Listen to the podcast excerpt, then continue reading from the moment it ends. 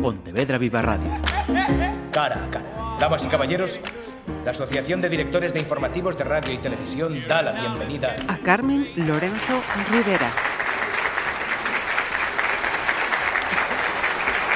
Este 27 de xaneiro é o Día Internacional da Conservación e Restauración, así que invitamos a este cara a cara a Carmen Lorenzo Rivera, directora da Escola de Conservación e Restauración de Pontevedra. Benvida, o primeiro, e grazas por atendernos. Moitas gracias por, eh, pola invitación. Carmen, como se está a, a visibilizar esta data e por que este día de xaneiro? Pois eh, esta data escolleuse no 2011 no 17 Congreso Internacional de restauración que houve en Granada, e escolleuse este día porque foi o día do nacemento de Violet Ledoux, que foi un escritor e arquitecto que dedicou toda a súa vida á protección do, do patrimonio. Uh -huh. E por eso se escolleu esta, esta, esta data. data sí. uh -huh. E estamos, eh, bueno, pois eh, unha forma de celebrar este evento eh, a través das redes sociais e esta celebración a través das redes Comezouse no ano da Fasete a iniciativa da escola e a esta iniciativa pois uníronse eh, pois todos os eh, uh -huh. outras institucións e bueno, pois eh, o celebramos desde ese entón, desde ese, desde esa data pois eh, nas redes sociais. Ajá. Pois eh, se alguén quere engadirse e participar, hashtag día CR ou arroba 27 e día CR. Por certo, eh, quizáis é eh, un dato que, mm, que haberá persoas que, que podan descoñecer. Falar da Escola de Conservación de Pontevedra é falar do segundo centro máis antigo de España. Sí, sí, a primeira escola de restauración que houve en España foi a de Madrid e a continuación a nosa levamos aquí xa 30 anos. Naceu no ano 1991. Uns estudios eh, superiores, título de, de grao, que mm, Cal é a súa demanda formativa e tamén a oferta laboral que hai entre estes estudiantes? Pois eh, estes últimos anos cubrimos todas as plazas que se, que se ofertaban. Na escola ofertamos eh, en primeiro cada ano 20 plazas e temos tres especialidades que son restaura, conservación e restauración de pintura, de escultura e de materiais arqueolóxicos. Uh -huh. O feito de que se oferten tan poucas plazas é porque estes estudos son uns estudos, eh, bueno, pois un pouco diferentes, no? Temos moita carga práctica, traballamos con obra real. Uh -huh. Entón, o traballar con obra real eh, é moi importante ter poucos alumnos na aula. Uh -huh. Entón, é un tipo de, de ensinanza pois moi personalizada, estamos moi preocupados eh, polo noso polo noso alumnado e, e realmente é un tipo de, de ensinanza pois como moi individualizado. Ajá, moi moi ad hoc además, o sea, unha cousa que penso eu eh, é un valor eh, engadido, ¿no? A, a hora da da formación. A súa oferta laboral, cale? Hai suficiente mercado ou non? Eh, bueno, pois os nosos alumnos cando rematan poden teñen varias vías. Eh, poden entrar a traballar nun museo, por exemplo, ou noutro tipo de, de institucións públicas, e tamén poden montar empresas, de feito temos moitos alumnos que montaron a súa propia empresa ou poden traballar de autónomos para, para, para outras empresas. Uh -huh. E logo queda a docencia, ¿no? Se tamén queren formar queda, a, a futuros a, conservadores, a restauradores. A docencia, claro. Ajá. E teño visto, Carmen, que hai mm, máis mulleres que homes en esta profesión e tamén e penso que é axeitado nesta data hai que reclamar tamén mellores eh, condicións, eh, menos precariedade. Sí, de feito hai bastantes máis mulleres, somos bastantes máis mulleres que homes, tanto no profesorado como no alumnado, non sei por qué, pero bueno, hai profesións que parece que atraen máis As mulleres. Ah, sí, Ajá. sí, no noso caso sí que realmente hai un porcentaxe bastante máis elevado de mulleres que, que, homes. que homes. Sí. Eh, a, eh, o tema da precariedade, no? É outro sector que tampouco obvia esa circunstancia. No, realmente, bueno, pois pues sí que creo que sobre todo agora para a xente nova a precariedade laboral non só no, no noso ámbito, Ajá. senón en todos os ámbitos é un problema desde o meu punto de vista eh, seralizado e moi moi grave, non? Ajá, Porque sin dúbida.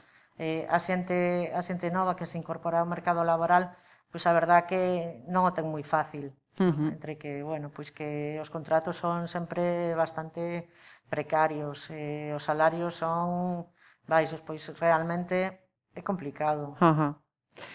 Pero non só no noso ámbito. No, no, que... de, é, é xeralizado, efectivamente, como, como decías. Mira, eh, cando estamos a falar do, do seto, do vosso traballo, falamos de patrimonio, desde eh, edificios, eh, xacementos, eh, decías, eh, esculturas, pinturas, libros, eh, documentación.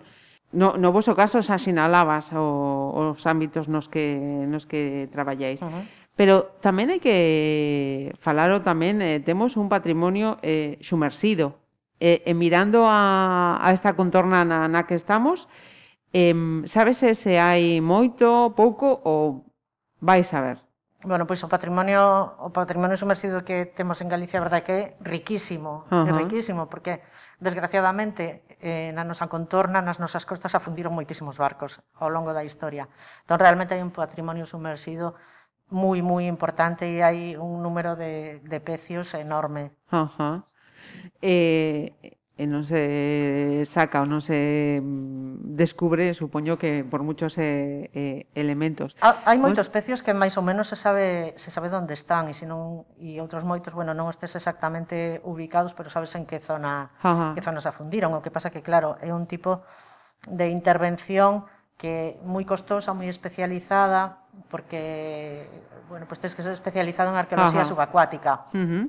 Entón é un tipo de intervención pois, eh, eso, moi especializado e, e moi costoso. E despois todo o material que, poda, que poda sair dunha excavación subacuática ten que ter un tratamento tamén especial, pues, uh -huh. porque non pode sacar algo do fondo do mar e deixalo sin máis a atmósfera, non? Tens que ter bueno, pois un tratamento moi especial, ten que permanecer en, uh -huh. en auga e é bastante complexo.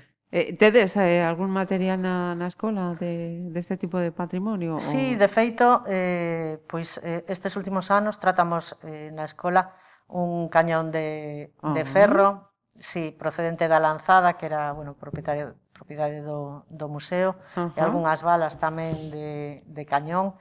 E sí, bueno, pois é un material que ten un que ten un tratamento moi eh, específico, máis, sí, sí, uh -huh. sí, máis complexo. Se pregunto por eh, patrimonio, decía, pues eh, edificios, eh, xacementos, pinturas, esculturas. Falando de edificios, eh, tamén o patrimonio industrial é un patrimonio que debería estar eh, protegido. Eh, se xa costa no, no patrimonio eh, histórico, digamos, eh, será o que sí. coñecemos como patrimonio histórico, supoño que cando falamos de, de patrimonio industrial, aí é eh, comenzar, non sei, se de cero ou, ou de menos, non sei canto. Ah, en Galicia tamén hai un patrimonio industrial moi moi rico porque houve industrias pois realmente Senlleiras. uh -huh. sí, e realmente houve industrias moi moi importantes, a industria balleneira, por exemplo, non, ou outro tipo de eh de industrias. Te razón no que dis, non? Si xa ás veces o patrimonio que todo o mundo entende como patrimonio histórico está un pouco deixado o patrimonio industrial, pois claro, pois moito máis, porque bueno, como que Custa quizá pensar que eso costalle eh, pensar que bueno, eso é patrimonio ou ve menos como patrimonio ou valora menos. Ajá.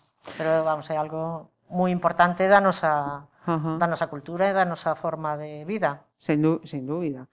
Mira, e voltando aos profesionais da, da conservación e restauración do patrimonio, mm, recupero un caso eh, moi mediático que penso evidencia moitos eh, erros eh, no, no concepto da, da conservación e no propio valor que damos o, o patrimonio. Eh, estou a falar eh, do ECMU de, de Borja, ¿no? Ah. Xa comenzando eh, pola propia actuación desta persoa, con descoñecemento, coñecemento, ou vontade ou, ou non, O tratamento mediático, tamén os medios de comunicación, eh, o, o tipo de, de información que trascendeu, no? máis eh, paradoxo, anecdótico, máis que eh, preocupante polo dano a, ao patrimonio, pola peregrinaxe que a xente fixo para ver aquelo cando a, a propia obra non tiña esa atención eh, previa, E tamén polo feito de que eu non sabía, o Eceomo quedou protexido despois da, da desfeita. Sí. Como vedes como profesional? Sí, pois, eh, bueno, a verdad que unha historia así, un, un, non sei, un pouco chamativa, non? De todas formas, non é, non é o único caso, de, que, home, este caso foi moi mediático, pero, bueno, de cando en vez sempre aparecen por aí casos eh, similares de uh -huh. xente pois que se mete a restaurar, entre comiñas, eh, patrimonio e o que fai, pois é, como dixetes, ti, unha desfeita, non? Penso que isto parte un pouco da, eh, da ignorancia tamén, da ignorancia da profesión e da ignorancia de, da, da importancia das cousas, porque aínda hai xente que considera que a profesión dos, dos conservadores restauradores, que a nosa profesión é algo pois como que con ser un pouco mañoso eh, xa está, no? que é un pouco como traballos manuais, cando uh -huh. nada máis longe da realidade, non somos moi científicos. O sea, ti para poder afrontar a conservación ou a restauración de, dunha obra patrimonial, dun ben cultural, tes que partir dun estudio previo de ese ben, un estudio profundo, tes que saber pois eh, pensar nun cadro, non? Pois tes que saber non só tes que coñecer o autor, eh, o estilo, a época, sino tamén con que materiales traballou, en que tipo uh -huh. de tela está pintado ese cadro, como responde, despois tes que coñecer que durante o longo do, do paso do tempo que alteración sufriu, sufriron eses materiais, tanto o tecido como as pinturas, como os barnices, como todo, non facer uh -huh. un estudio eh, exhaustivo e despois unha vez que tes todos estes, eh, estes elementos datos, controlados, claro, uh -huh. e que sabes como son todas as alteracións que foi sufrindo ao longo do tempo, entón podes eh, intervir. Inter, podes plantexarte unha proposta de intervención, ah, eh, a continuación ah, intervir. Ah. Entón realmente somos eh, moi científicos e tamén somos unha profesión moi interdisciplinar porque en todo este proceso pois eh, entran ámbitos como a historia da arte, a química para facer eh, analíticas, despois o que eh, o que é xa a intervención, o sea, realmente non son traballos manuais ni moitísimo menos, que somos bastante científicos. E o feito de que xente sin preparación esa información se meta a intervir en patrimonio, pois en ocasións pode causar danos que son reversibles e en outras ocasións pode destruir completamente a obra causando daños que son totalmente irreversibles. Uh -huh. Pois chamada atención, por favor, eh, valoremos que hai profesionais que están adicados e saben perfectamente o que facer. De feito, eh, o lema da, do día dos, eh, do, dos profesionais da conservación e restauración deste ano é sen profesionais non se conserva o patrimonio. Pois, sí. teñámolo en conta. Sí, sí. teñámolo en conta, sen dúbida alguna. E, e outra cuestión tamén eh, no que é o, o, o respecto o, o patrimonio, o, o que tenemos a, a veces a sorte de disfrutar día a día como, como é o caso de, de Pontevedra. As pintadas, os, os grafitis. Este mes de xaneiro eh, Soubemos que o Concello de Pontevedra abriu a posibilidade de levar a vía penal a, a seis persoas identificadas por realizar eh, pintadas nesta cidade. Hai permisividade, ah, o direi, permisividade eh, na normativa, nas sancións, habería que buscar outras alternativas. Mm, como vedes dende o punto de vista profesional? Bueno, eu creo que mellor que sancionar é educar. Ajá. Entón creo que a educación é algo é algo básico. Eh, creo que debería de haber máis educación patrimonial eh, nos colexios aos nenos desde pequenos, porque eh, si ti non valoras algo é moi difícil que o protexas. ¿no? En cambio, se si eres consciente de que algo que está na túa contorna, na túa cidade, no teu povo, é algo importante, é algo que, que ten valor, e que ten valor eh, para todo o mundo, e se ademais os, inter, os inter vencellado como algo propio, uh -huh. pois sempre o vas eh, proteger, claro. Pero claro, se si non coñeces, eh, non podes protexer algo que descoñeces, non? E se si non coñeces o valor das cousas, bueno, pois como que dices, va, pois dá uh -huh. un pouco eh, igual, pero creo que a educación patrimonial creo que é algo fundamental. Entón, temos unha eiva na educación patrimonial en, en xeral, penso, sí. Carmen. Sí sí, moi sí. importante ademais, sí. non valoramos eh, todo isto que, que temos. Estamos en, en un país con moitísimo patrimonio protegido pola UNESCO frente a isto que estábamos a sinalar. E hai unha lista roxa do patrimonio que publica a Asociación Hispania Nostra e que sinala unha cantidade inxente de bens eh, inmobles en risco ou serio risco de esmorecer. Falta eh, educación, eso primeiro, pero sí. falta tamén fondos, interese, hai demasiadas trabas administrativas ou é unha mistura de, de todo? Penso que é un compendio, un compendio de todo. A ver, somos un país riquísimo e temos moitísimo patrimonio, moitísimo patrimonio. Claro, manter ese, ese patrimonio en bo estado require moito investimento. E, bueno, e entre unha cousa e outra, e tamén hai moita deixadez por parte das, eh, das administracións, non? que, bueno, pois que o cuidado do, do patrimonio e a cultura en xeral pois non é unha das prioridades uh -huh. dos, eh, dos gobernantes, cando é algo moi importante, pero bueno, entón sempre como que se vai se vai deixando, non?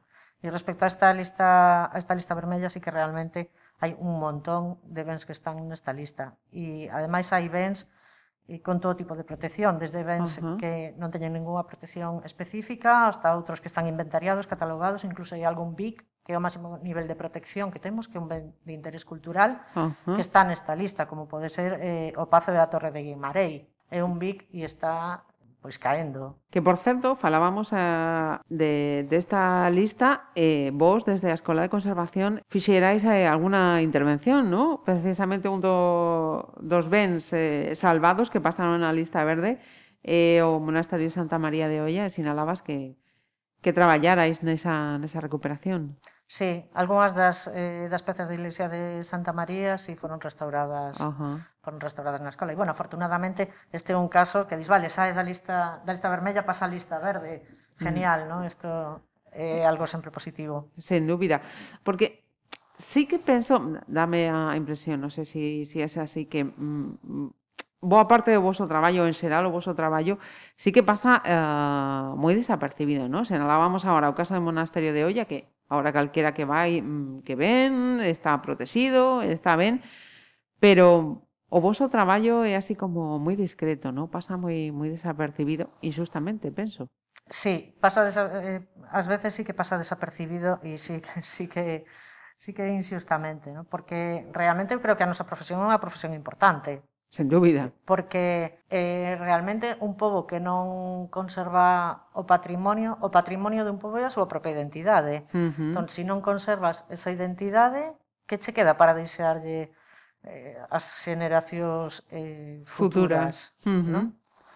E, e sí creo que, que ás veces, eh, bueno, pois pasa desapercibido. Pero, bueno, outras veces tamén levas moitas eh, moitas alegrías. Pois, por exemplo, no taller de escultura, eh, restauraron un cruceiro de Valga que sufriu un accidente porque un coche chocou contra o cruceiro e os naquizou. Uh -huh. e o restauramos na, na escola e, bueno, se foi devolto aos veciños, no? Entón, sí que hai sí que hai veces, bueno, pois pues que estas cousas sí que se sí que se, se agradecen, agradecen, no, digamos. Uh -huh.